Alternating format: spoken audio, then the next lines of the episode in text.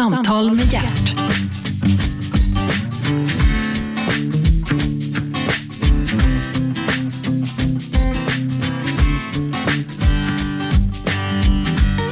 God morgon och hjärtligt välkomna till Radio 1, pratradiokanalen nummer 1. Det vet ni vid det här laget. Och där, nu flyttade jag micken lite grann så, då, så att alla hör. Eh, programmet heter Äntligen, jag heter Gert Fylking och äntligen är Kristoffer Linde här. Välkommen Kristoffer. Tackar, tackar. Ja, då kan man ju fråga sig, vilken då Kristoffer Linde? Ja, då säger jag så här, simmaren Kristoffer Linde, då vet några. Eh, Paralympics, då vet några fler. Och Kristoffer Linde var den killen eh, som 2006 var det? Jajamän. blev påkörd av någon anledning, det vet inte han, det vet vi följaktligen inte vi heller, av ett tåg, förlorade bägge benen och en arm. Och du var då, hur gammal var du? Jag var 17 år då. 17 år. Nu så är du 22. Ja. 22 år helt och hållet eh, tillbaka i, i verkligheten. Eh, och eh, en jävel på att simma. Ja då. Eh, Du var med i Peking och siktar emot eh, OS i London. Ja. Ta medalj där. Ja, ni, jag, jag ser Kristoffer framför mig här nämligen. Alltså, det, det är helt eh, på ett sätt väldigt märkligt. Han har inga ben och han har en, en arm som är en sån här protes. Men i övrigt jävligt eh, glad. ett, litet, ett ganska stort sår i pannan har du också. Ja. Eh, som du eh, fick i samband med den här olyckan. Och det är ju inte svårt att förstå. Det var ju mycket som trasade sönder. ja. Men du, berättar lite grann. Du, vi börjar från början, Kristoffer Linde. Du kommer från västkusten, Ulricehamn. Jajamän. Och eh, tyckte det var kul att simma? Ja, jag har hållit på med simning ända sedan jag var 5-6 år någonting. Okej. Och eh, ja, tyckte det var, det var en sport som passade mig. Testade på jättemånga sporter men det var just simningen jag fastnade för. Simning som är så träligt. Ja, Va? Man, går upp, måste, ett, man ska gå upp jättetidigt på morgonen för man måste göra morgonpasset. Det ska alla simmare göra. ja, Och sen ska man simma och bara ligga och gnata och gneta och gnata och gneta. Fram och tillbaka, fram och tillbaka. men det är roligt när man eh, vinner sen på tävlingarna med. Ja, ja, det, det är lönen för mödan det. Exakt. Eh, hur duktig var du? Inför olyckan? Ja, när, som 15-åring så blev jag åtta i Västergötland och eh, 63 i Sverige på Sumsim i Göteborg. Så du stod strax under elit alltså, kan man väl säga? Ja, exakt. Ja.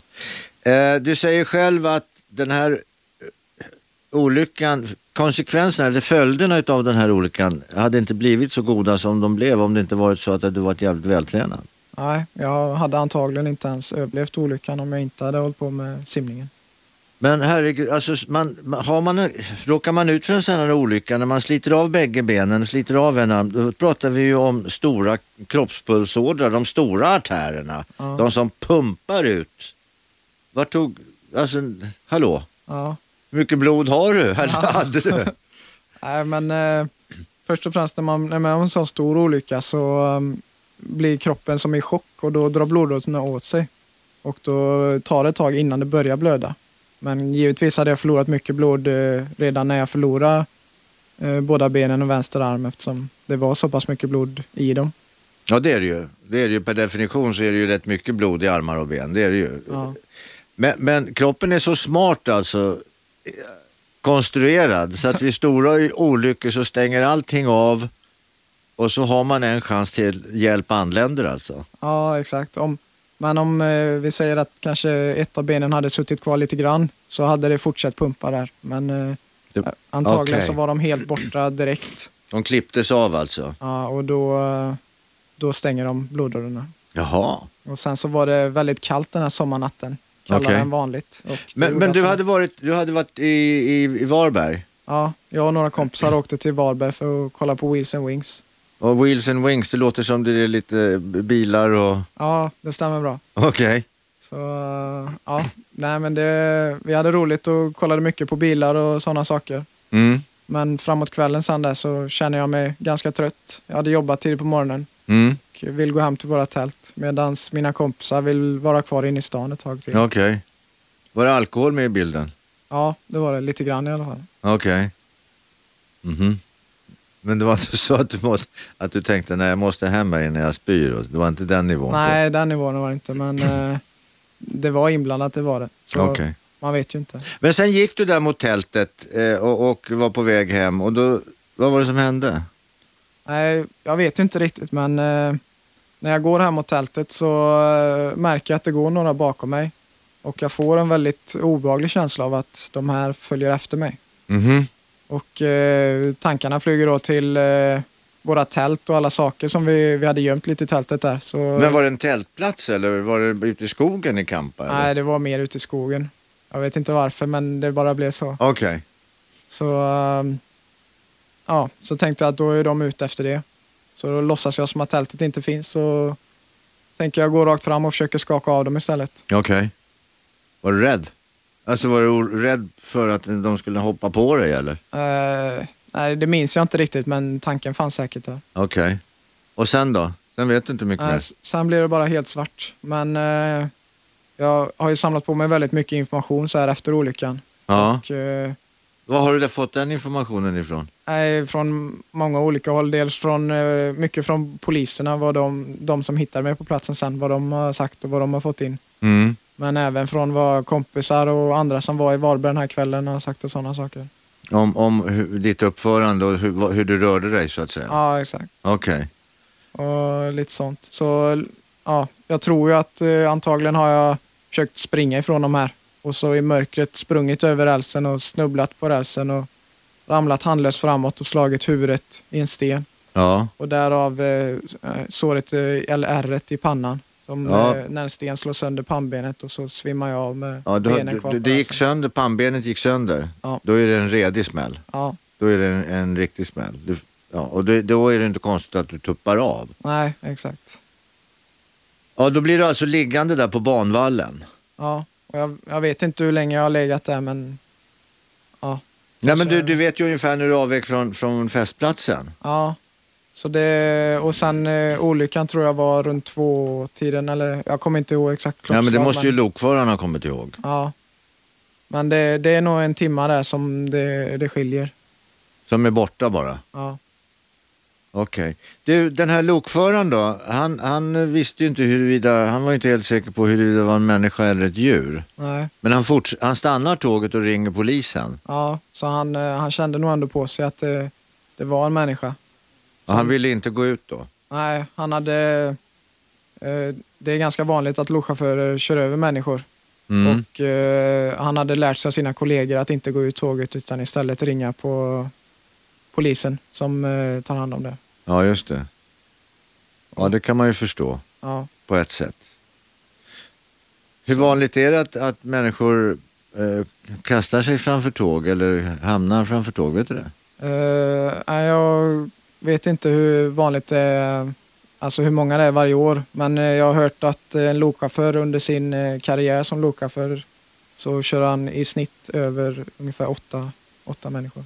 Är det sant? Ja. Det är för Tyvärr. fan inte klokt. Nej, det, det är mycket mer än vad man tror. Ja, det må jag säga. Och det, det kan inte vara, vara så kul. Nej, verkligen inte.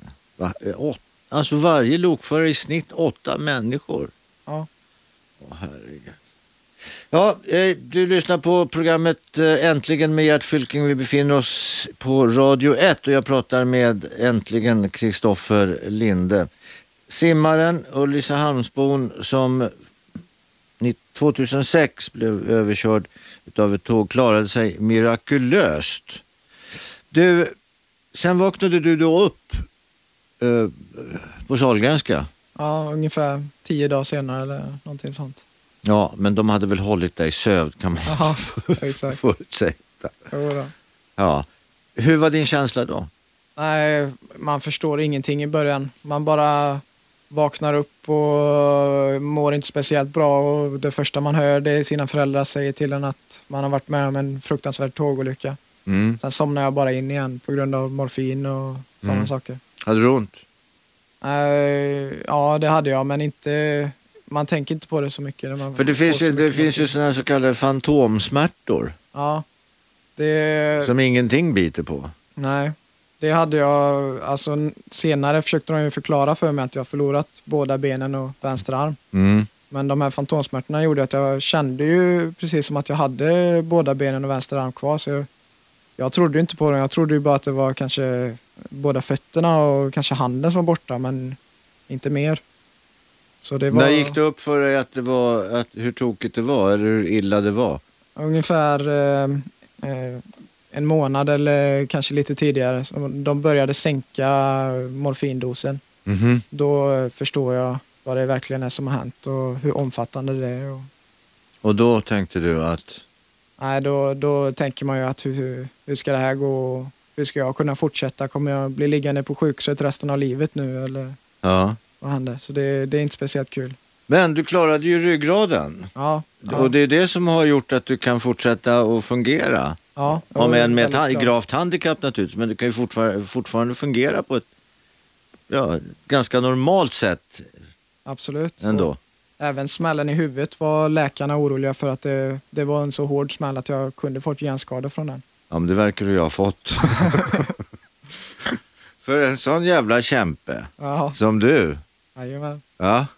Ja, men Ja. det, Eh, kan vi fortsätta och upplysa här om att Kristoffer alltså efter denna eh, helt osannolikt svåra olycka repar sig, tar upp sin, sin gamla sport, simning, fortsätter att simma, ja det blir lite andra simsätt kanske, och på ett annat sätt tar sig fram i bassängen. Men så framgångsrikt att du får åka till eh, OS i, i, i eh, Peking ja, det stämmer. och nu siktar på OS i London. Jajamän.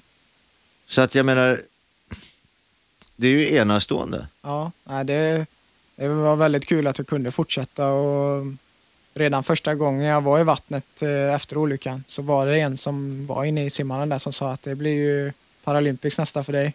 Mm. Och- När, när var du, på, när var du på, på, på gång nere i simhallen då, efter olyckan? Hur lång tid tog det emellan? Det tog ungefär ett halvår. Men det var för att såren skulle vara läkta och allt sånt. Men du ville ner i bassängen? Ja. Jag ville, först och främst så ville jag ha en, någon typ av träning för att eh, när man sitter i rullstol så är det väldigt svårt att träna hela kroppen. Det blir lätt bara överkroppen och armen. Ja, och, framförallt blir det bara i ditt fall en arm ju. Ja, exakt. Mm. Så att då ville jag ha träning för hela kroppen först och främst. Ja. Och sen så gick det så bra i vattnet och då tyckte man det var kul och började träna lite mer och ja, ville börja satsa igen på simningen. Men du, ursäkta, jag har inte sett dig simma, eh, vare sig före eller efter olyckan, men hur tar man sig fram med, ja du har ju stumpar till ben, Ja, den ena aningen längre än den andra och en högerarm ja exakt. och ingenting, ja, en liten stump uppe vid axeln. Ja. Men hur fan tar du dig fram i vattnet? Nej, jag använder i stort sett samma teknik som jag gjorde innan jag skadade mig. Det är, jag rör kroppen på samma sätt fast det är bara en arm som drar mig framåt nu. Och så självklart så justerar jag om lite greppet i vattnet för att... Ja, men du, kan for, du får fortfarande lite fart utav, utav eh, de här resterna du har kvar utav benen. Ja, eh, det är lite olika simsätt. I fjäril så hjälper de ju till med lite kick där men i frisim så håller jag dem mest till. Men vänsterarmen eh, gör ju rätt mycket för symmetrin i armtagen där för att inte bromsa mig själv eller så. Ja, just det. Du får en rytm. Du använder vänstern som om det fanns en arm Exakt. för att få vridningen i, i kroppen. Ja, för att få bättre tag i vattnet. Okej. Så att tekniken innan är ju A och O här. Ja, du, hade. ja, utan den hade du inte, du hade inte kunnat lära dig simma så att säga. Nej. Äntligen! Samtal med hjärt.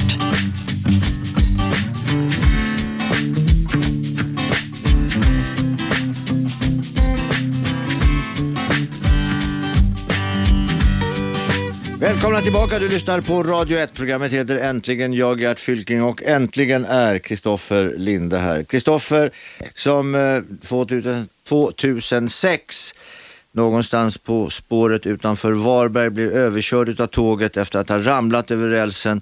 Låg med huvudet neråt Ja. på banvallen. Blev överkörd över benen som kapades och sen så i, i, i fallet och det som hände kring olyckan där så kom, blev också en arm kapad. Ja. Och det var just det som räddade livet på dig, Ja. kan man säga, konstigt nog. Ja, Att de blev faktiskt. kapade. Ja, istället. Hade de suttit kvar lite hade kroppen försökt få ut nytt blod ut till armen eller till benen och då hade jag förlorat mycket mer blod. Mm. Hur länge låg du där på banvallen? Vet du det ungefär? Ja, jag har pratat med de här poliserna som kom till platsen sen och i stort sett räddade livet på mig och de, de har sagt att de kom ungefär 40 minuter efter olyckan och hittade mig där vid spåret. Det var ganska svårt att hitta mig eftersom det var mörkt och eh, mycket små träd och grejer runt banvallen där.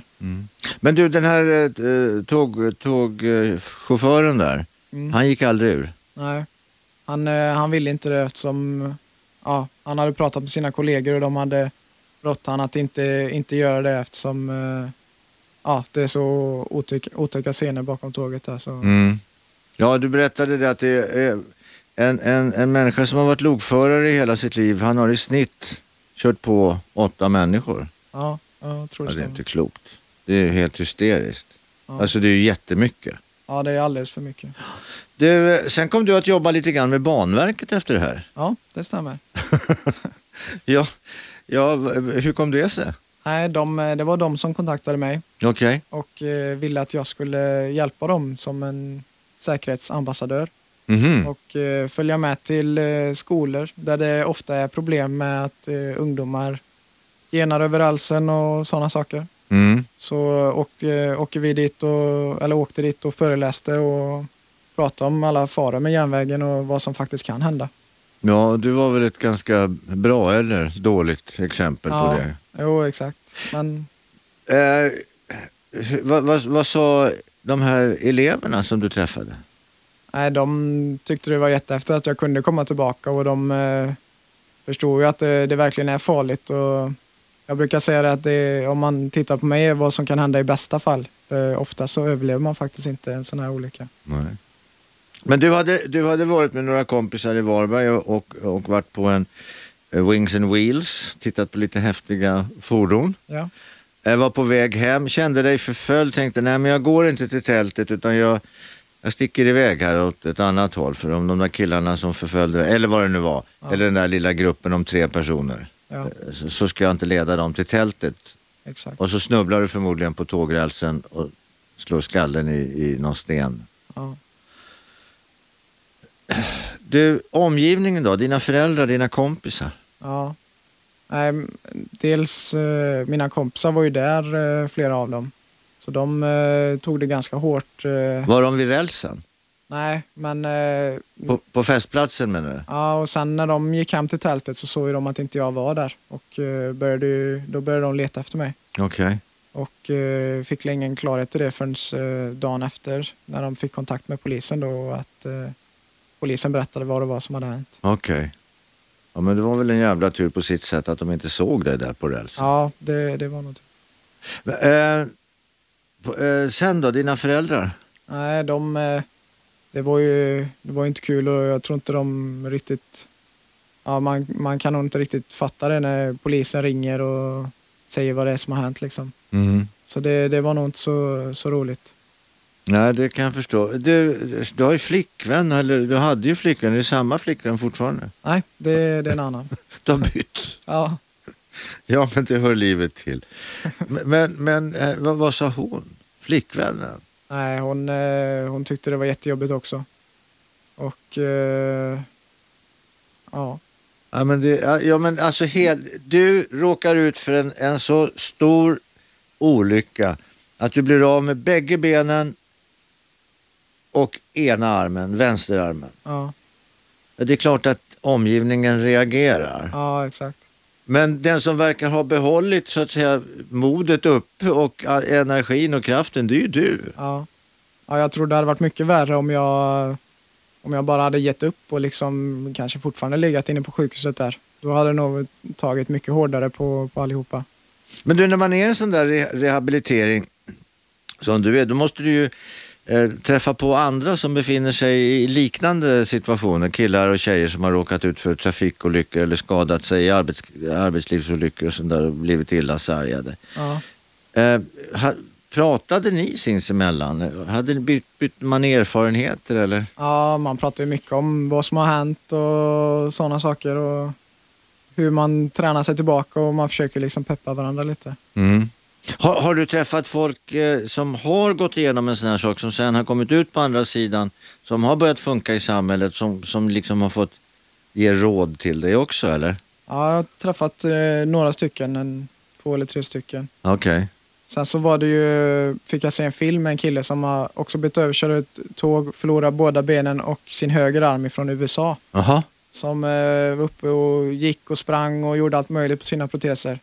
Och det inspirerade mig väldigt mycket och det var mycket det som gjorde att kan han så kan jag också det. Har du pratat med honom? Ja, jag har försökt få kontakt med honom men jag har inte lyckats få det än. Men, eh, ja, men det ska väl inte vara helt omöjligt? Nej, så uh, vi får se, men det, det kommer i framtiden, absolut. Okej, okay. men vad han, du, du, var ju idrottsman och väldigt framgångsrik sådan när, eh, precis innan olyckan hände.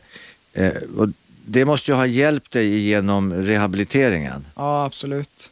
Jag var ju van vid träna och jag var van vid att pressa mig själv för att klara, klara mer. Mm. Och det hjälpte mig väldigt mycket eftersom jag ja, liksom hela tiden eh, pressade mig och försökte klara mer och mer saker. Och, ja, men har du aldrig känt så här, men fan, nej, nej, nu skiter jag i det här? Nej, jag tror inte det. det kanske någon gång i början innan jag kom in till rehab där. Ja. Men eh, sen så när jag väl började träna så har jag nog För du måste ju börja, med, börja om från början med allt, toalett, alltså sådana enkla grejer ja. som vi tar för givet. Ja, exakt. Alltså det är ju inte det. Nej. Nej, man måste, det är ju det första man försöker lära sig. Äntligen! Samtal med hjärt.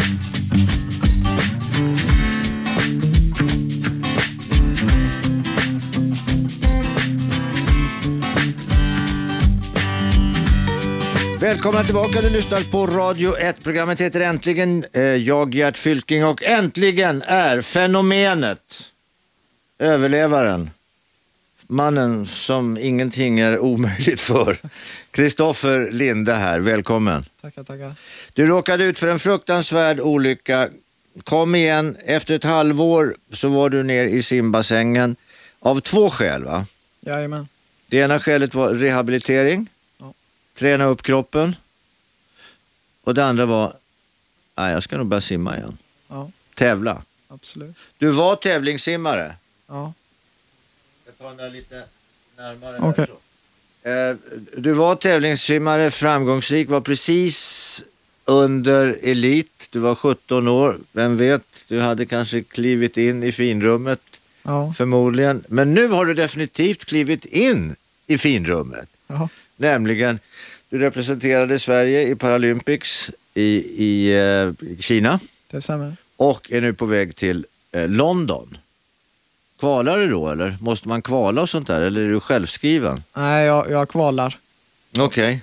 Okay. men eh, det ska nog gå bara. Jag, jag har varit lite skadad nu det sista här. Så bara jag kommer igen nu så ska det inte vara några problem. Ja, för du har ju, du har ju eh, i, i, när du simmar i bassäng då har du inga proteser. Nej, det får man inte ha. Det får man inte ha.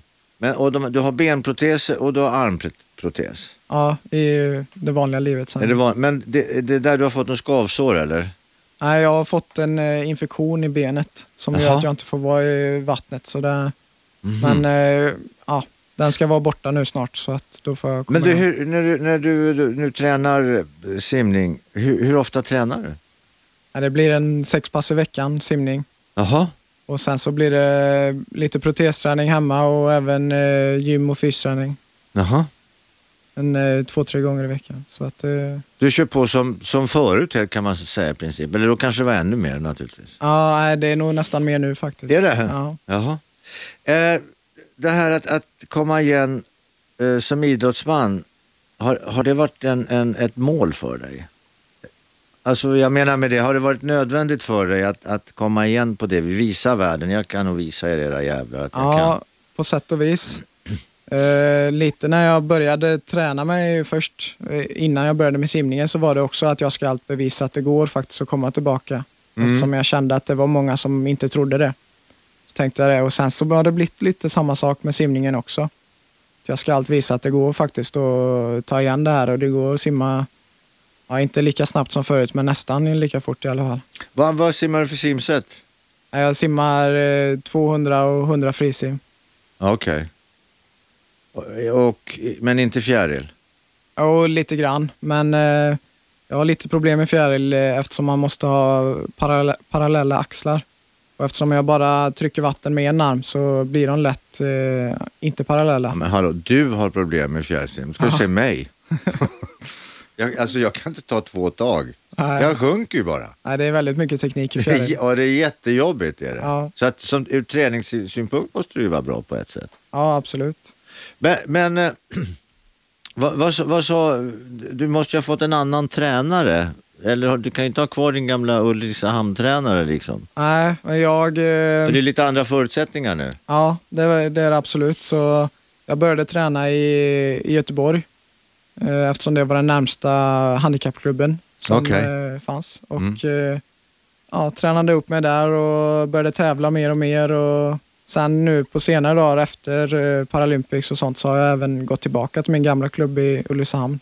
Men du, det där när man då tävlar inom Paralympics så, så är det ju lite, faktiskt lite olika förutsättningar för de tävlande. Ja, Alla har ju inte samma nej. skador liksom. Så att det det kan ju bli lite orättvist det där Ja, på ett sätt.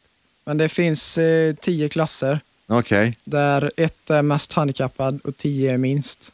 okej. Och eh, på den skalan är jag en eh, fyra. Mhm. Så, eh, ja, så jag tävlar ju mot sådana med likvärdiga handikapp. Så att det är ju Vem pers- bedömer det? Hur- Nej, det, det är domare som eh, alltså kontrollerar den, kontrollerar eh, rörlighet och Okej. styrka och sånt i, i kroppen. Ja, de måste ju i princip vara läkare då på ett sätt också. Ja, nästintill. Ja. Så, eh, ja, så bedömer de vilket, vilket handikapp man har. Och poängsätter det man har. Så till exempel min helt friska högerarm, den ger ju ganska många poäng då. Mm. Och sen eh, får man en, ja, ett, ett poäng och så hamnar man i en viss skala då. Och din klass heter då 4, S4. S4 ja. Okej. Och, då, då, det, och då tävlar man, det är bara de du tävlar mot. Ja, Hur exakt. många S4 finns det i Sverige på simsidan?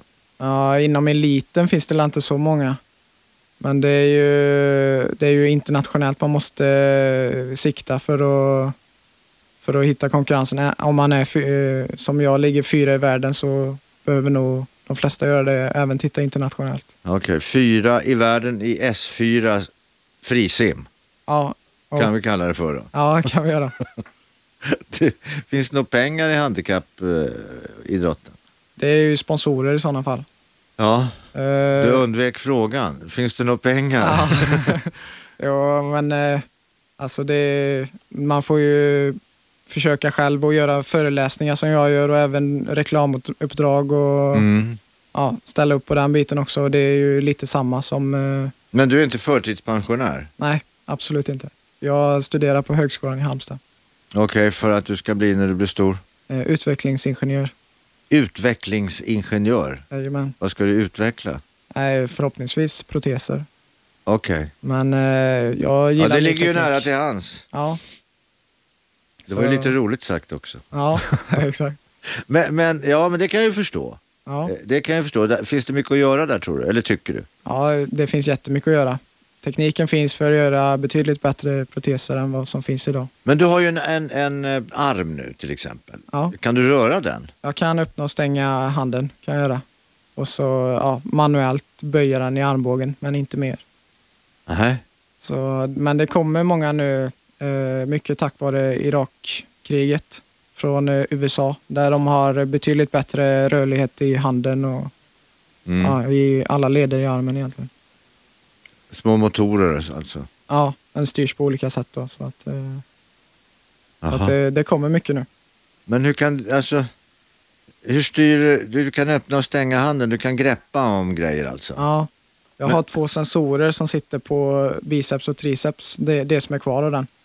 Så eh, spänner jag triceps så öppnar jag handen och spänner jag biceps så stänger jag handen. Så är det en sensor som känner av när jag spänner muskeln. Men om jag sträcker mig med vänster hand efter en mugg till exempel, då gör jag det automatiskt Ja, med min vänsterhand. Ja. Kan du göra, gör, blir det samma reaktion för dig? Ja, Eller måste du, hallå triceps, vakna? Lite så är det ju.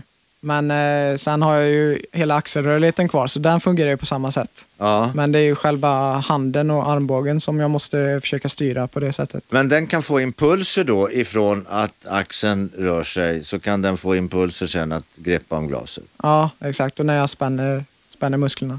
Ja, overkligt. Ja. Men det kommer mycket grejer nu när man opererar in nästan som att man bara tänker också. Så att det är på väg. Ja, jag är själv reservdelsmänniska fast, fast på, i sammanhanget väldigt liten nivå. Jag har fått en ny höft. Jaha, ja. En, en sån här eh, spik in och en ny höftkula och ja. sådär. Fungerar bra.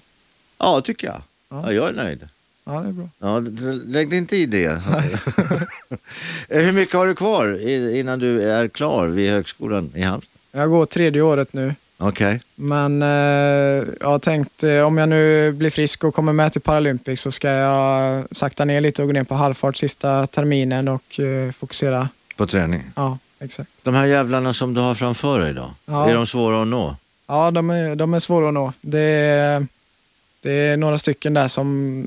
Eh, ja, de, tävlar, de har ju båda armarna som simmar med och även Aha. om de har eh, samma styrka i två armar som jag har i en så kan de ändå glida på den ena armen medan de drar med den andra. det styr på ett annat sätt i vattnet. De får en bättre flyt i simningen där. Hur mycket sekunder skiljer det? Jag Vet- vet inte riktigt hur mycket det, det skiljer nu men jag, jag närmar mig absolut. Okej, vad pratar vi om? Fem sekunder eller? Nej, det är nog mer eh, en, två tror jag. En två sekunder? Ja, så det... Det är inte, ja men ja, hallå, det låter ju inte... Ja, i simning, där Simning, pratar man ju om ja. hundradelar. Ja, exakt. Eh, när, när Alshammar i sitter i, eller ligger i bassängen. Men i Paralympics så, är det ju, så ser man ju faktiskt att det är ganska stora avstånd. Ja, det, det går ju långsammare och det, då blir det ju mer som skiljer också. Mm. Men det är ju också, alltså två sekunder ser jag inte som omöjligt. Va, vad är det du ska förbättra? Det är ju tekniken och nu när jag har varit skadad ett tag så är det ju självklart att komma igen med Mm. den träningen jag har missat i vattnet. Du, står arbetsgivarna i kö? Eh, det vet jag inte men eh, det, det ska nog inte vara några problem. Vad är det för typ av, av arbetsgivare? Är det inom forskning? Är det, är det in, inom vart? Ja, det är ju produktutveckling mer så att eh, min utbildning skulle jag kunna jobba på i stort sett alla tillverkande företag och utveckla deras produkter. Okej. Sen så brinner jag ju lite extra, extra för proteser. Ja. Så får vi se vad det blir där. Om, eh, om man antingen kan starta något eget eller börja jobba på något företag som Mm. eh, redan håller på med det. ja. Det, just när det gäller proteser, vi har ju väldigt mycket olyckor just när det gäller händer och sånt där. Ja, Och det, det är ju faktiskt oerhört viktigt att vi har våra händer. ja absolut. Det är väl nästan det viktigaste. Ja, Du, bara, för, för vi ska inte prata eh, olyckan här mera. Men du kom ju igen efter olyckan. Efter ett halvår låg du i bassängen och, och kämpade på. ja. ja det, det gick väldigt fort. Alltså, läkarna trodde ju att jag skulle bli kvar på sjukhuset några år innan jag blev utskriven och kunde fortsätta som vanligt. Men vad fan, varför ger läkarna upp? Det är, väl inte, de ska, det är väl du kan väl möjligtvis tänka dig att nu fan nu ger jag upp. Men läkarna får ju inte upp sig här, men han kommer att ligga här ett, ett, flera år. Ja, nej. nej, men det är väl vad som är normalt. Men eh, det vill ju inte jag lyssna på utan jag, jag körde mitt race. Ja, det var väl en jävla tur det. Jag tror att läkarna har ett stort ansvar där faktiskt. Ja, Om inte de peppar dig, vem fan ska då göra det? ja nej. Du, har du ont någonting idag? Nej, nästan ingenting. Eh, fantomsmärtorna är så gott som borta med. De kommer att gå lite ibland men det är väldigt lite mot vad andra har. Hur är det i dina drömmar då? Springer du över ängarna då eller? Ja, faktiskt. Det är fortfarande när jag drömmer så har jag fortfarande armar och ben kvar. Mm. Eller att jag har proteserna på mig men de fungerar precis lika bra som mina gamla armar och ben. Mhm. Känns det när du vaknar då? då? Nej, det är ju, det är ju tråkigt. Man, självklart vill man ju vara tillbaka där och kunna göra vad som helst och aldrig vara begränsad. Ja. Du, dina kompisar, har du kvar kompisarna eller försvann de i tangentens riktning sen? Nej, jag har kvar allihopa faktiskt. Ja, vad kul. Så att, eh, Men du har bytt flickvän? Ja, det har jag gjort.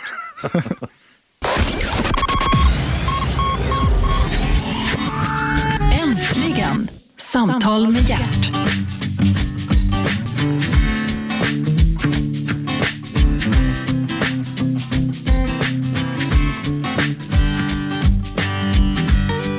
Välkommen tillbaka, du lyssnar på Radio 1. Programmet heter Äntligen. Äntligen är Kristoffer Linde här. Kristoffer Linde som för ett par år se- sedan, 2000, eh, det vill säga år 2006, blev av med både en arm och bägge benen och sitter nu i rullstol, inte ständigt och jämt. Nu är han uppe och hoppar och skuttar på sina proteser, eh, benproteser och har en armprotes. Ja. Eh, men inte nog med det. Han är dessutom elitsimmare. Det stämmer. Ja, det stämmer. På väg till London. Paralympics i London. Får jag fråga Kristoffer, har du körkort? Jajamän. Jaha, får jag frå- hur, hur fixar du det? Nej, jag har, eh, använder min eh, protes på armen. Okej, Som, eh, jag greppar en spak och trycker den spaken neråt så gasar jag och trycker jag samma spak framåt så bromsar jag. Och så svänger du med högerarmen då. Ja, och så automatlåda då. Har du sån här kula på, på ratten då eller? Ja, ibland men det går lika bra utan att rulla den rätt i handen med. Okej, och sen de, de andra då, de här ljusknappar, helljus och halvljus och vad, en viktig spak, blinkerspaken. Ja, den, eh, den sitter ju på vänster sida. Ja, Och, så den har jag en förlängare, alltså en till spak som sitter på den som går över till höger sida. Så jag blinkar med högerarmen också. Och helljus. ja man kan göra väldigt mycket i, i cockpit på en bil, eller vad man nu ska kalla det för. Absolut. Kristoffer, hur ser framtiden ut? Du håller på med lite välgörenhet och du har naturligtvis ditt stora mål här för egen del, eh, Paralympics i London. Absolut. Ja. Välgörenheten, berätta lite om det projektet. Vi, eh, vi ska vara här ute på, i Solnahallen på Abrahamsdagen Mhm. och eh, ja, testa på olika idrotter för alla som, alla som vill komma och speciellt funktionshindrade då, som vill testa på olika idrotter och börja idrotta. Och eh, det är någonting jag starkt kan rekommendera eftersom eh, tack vare idrotten så blir man mycket mer eh, självsäker och ja, förstår att man, man klarar mycket mer än vad man tror. Ja, det gör man. Du, när jag ryckte in i det militära så fick man höra det. Du orkar tio gånger så mycket som din mamma tror och dubbelt så mycket som du själv tror. Ja, Och du är väl ett levande bevis för det kanske? ja absolut. Jo, allting går bara man, bara man vill. Eh, Du, du, du träffar naturligtvis väldigt mycket människor som med funktionshinder idag. Ja. Förut, inför olyckan, när du var ung och frisk och i princip elitsimmare på, på svensk elitnivå. Hur såg du då på de som med funktionshinder? Nej, det, alltså, man kände ju inte så många. Nej. Det, jag kommer ju från en liten stad i Ulricehamn och det, det fanns några stycken som man eh, pratade med och så, men eh, alltså, man ser ju dem som en vanlig person tycker jag fortfarande. Eller Mm. ja, det gjorde jag då med. Jo, men sen så ser man dem ju inte så mycket ute på gator och torg för de håller sig inne, de kommer ju inte ut. Nej, Det är ju för jävligt egentligen. ja faktiskt. Det där måste vi ju bättra på. Ja, men eh, ja, det, det blir bättre och bättre hela tiden tycker jag. Och vi, eh, som när man bygger nya hus, att man alltid måste bygga in hiss och sådana saker. För det, det är det stora problemet tycker jag i alla fall. Det är ju att det är trappor och det finns ingen hiss. Ja, och där är, är... Ja, men om du får dina benproteser i ordning på dem, då måste du ju kunna gå i trappor också. Ja, det, det går. Det går. Ja, så- Allting går. Jajamän. Det är bara mycket träning som krävs. Ja. Men eh, det går absolut.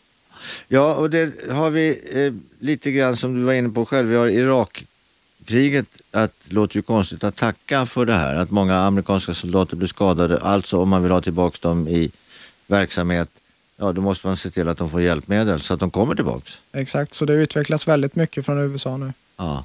Du, eh, den här, eh, vad sa du, august, augustdagen, sa du det? Eh, nej, i Solnahallen. Ja. Ja, eh, Abrahamsdagen. Abrahamsdagen, var kommer Abraham ifrån?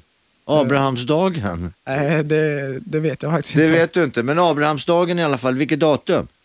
Det är imorgon. Imorgon, okej, imorgon på Abra, Abrahamsdag, kanske är Den- Abra, Abraham som Den namnsdag. fjärde blir det. Ja. Så, så är det alltså Solnahallen ute i Solna. Ta er dit alla och, och eh, prova på Ja. helt enkelt. Är det någon annan idrott som du skulle kunna tänka dig själv att du skulle vilja prova på?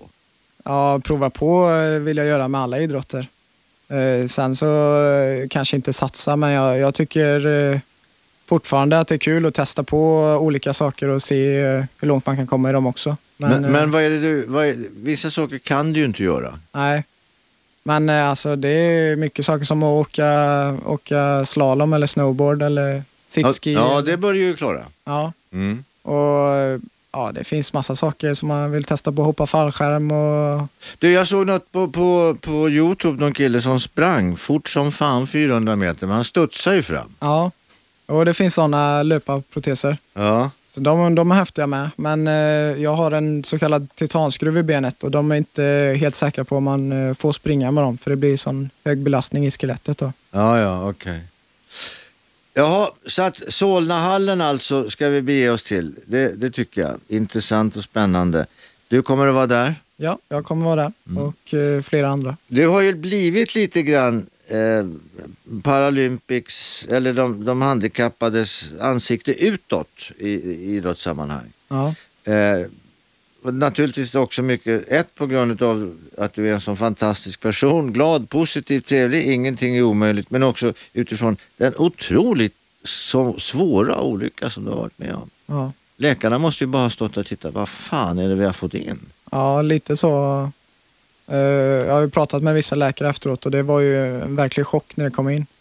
En så ung kille med de här skadorna liksom och de, de trodde ju aldrig att det skulle gå. Men Det gjorde du ju bevisligen. jajamän. Men du, det var din ungdom Ja. och att du var vältränad och att du visste vad hård träning innebär som gjorde att du kom tillbaka. Ja. Alltså utan simningen så hade det aldrig gått, både mentalt och fysiskt. Nej. För simningen har också gett mig en mental styrka, att jag, orkar liksom plåga mig själv för att ta mig framåt. Ja, det måste man göra i alla idrotter. Ja. Okej. Nej, vad, vad tycker du om att titta på för sport då? Nej, Det är ju allt möjligt, men eh, själv så det är ju simning självklart. Ja, Men även eh, hockey och handboll tycker jag är ganska roligt att följa på tv. okej. Lite fotboll också, men eh, Har du någon favoritlag? ja, just nu tittar jag mycket på drott i handbollen och i hockeyn så är det ju HV71. Ja. ja, det är bra. Du, för övrigt då, du sa när du blir stor så ska du bli ingenjör Ja, och, och, och uppfinna och utveckla saker och ting. Ja, förhoppningsvis. och framförallt då inom protesvärlden så att säga. Ja, jo, det vore kul. Ja. Du, Kristoffer. Ja. Fantastiskt kul att få ha haft dig här faktiskt. Ja, tack själv. Väldigt roligt. Jag kommer ihåg när jag såg dig första gången på tv. I, i, det var, blev intervjuad, inte långt efter olyckan. Nej. Kanske 2008 eller någonting sånt där. Ja, det var det nog. Och du hade ett jävla go och en jävla, ett jävla driv. Ja, Helt enastående. Eh, alla ni där ute, eh, ja, jag kan bara säga så här att det kan ta slut jävligt fort och var beredda. Det kan bli stora förändringar och Kristoffer är ett exempel på det. Men att du tog dig ur det. det går att komma tillbaka. Det går att komma tillbaka. Tack så hemskt mycket Kristoffer. Tack för att du tittade förbi studion. Tack för att ni lyssnar på Radio 1.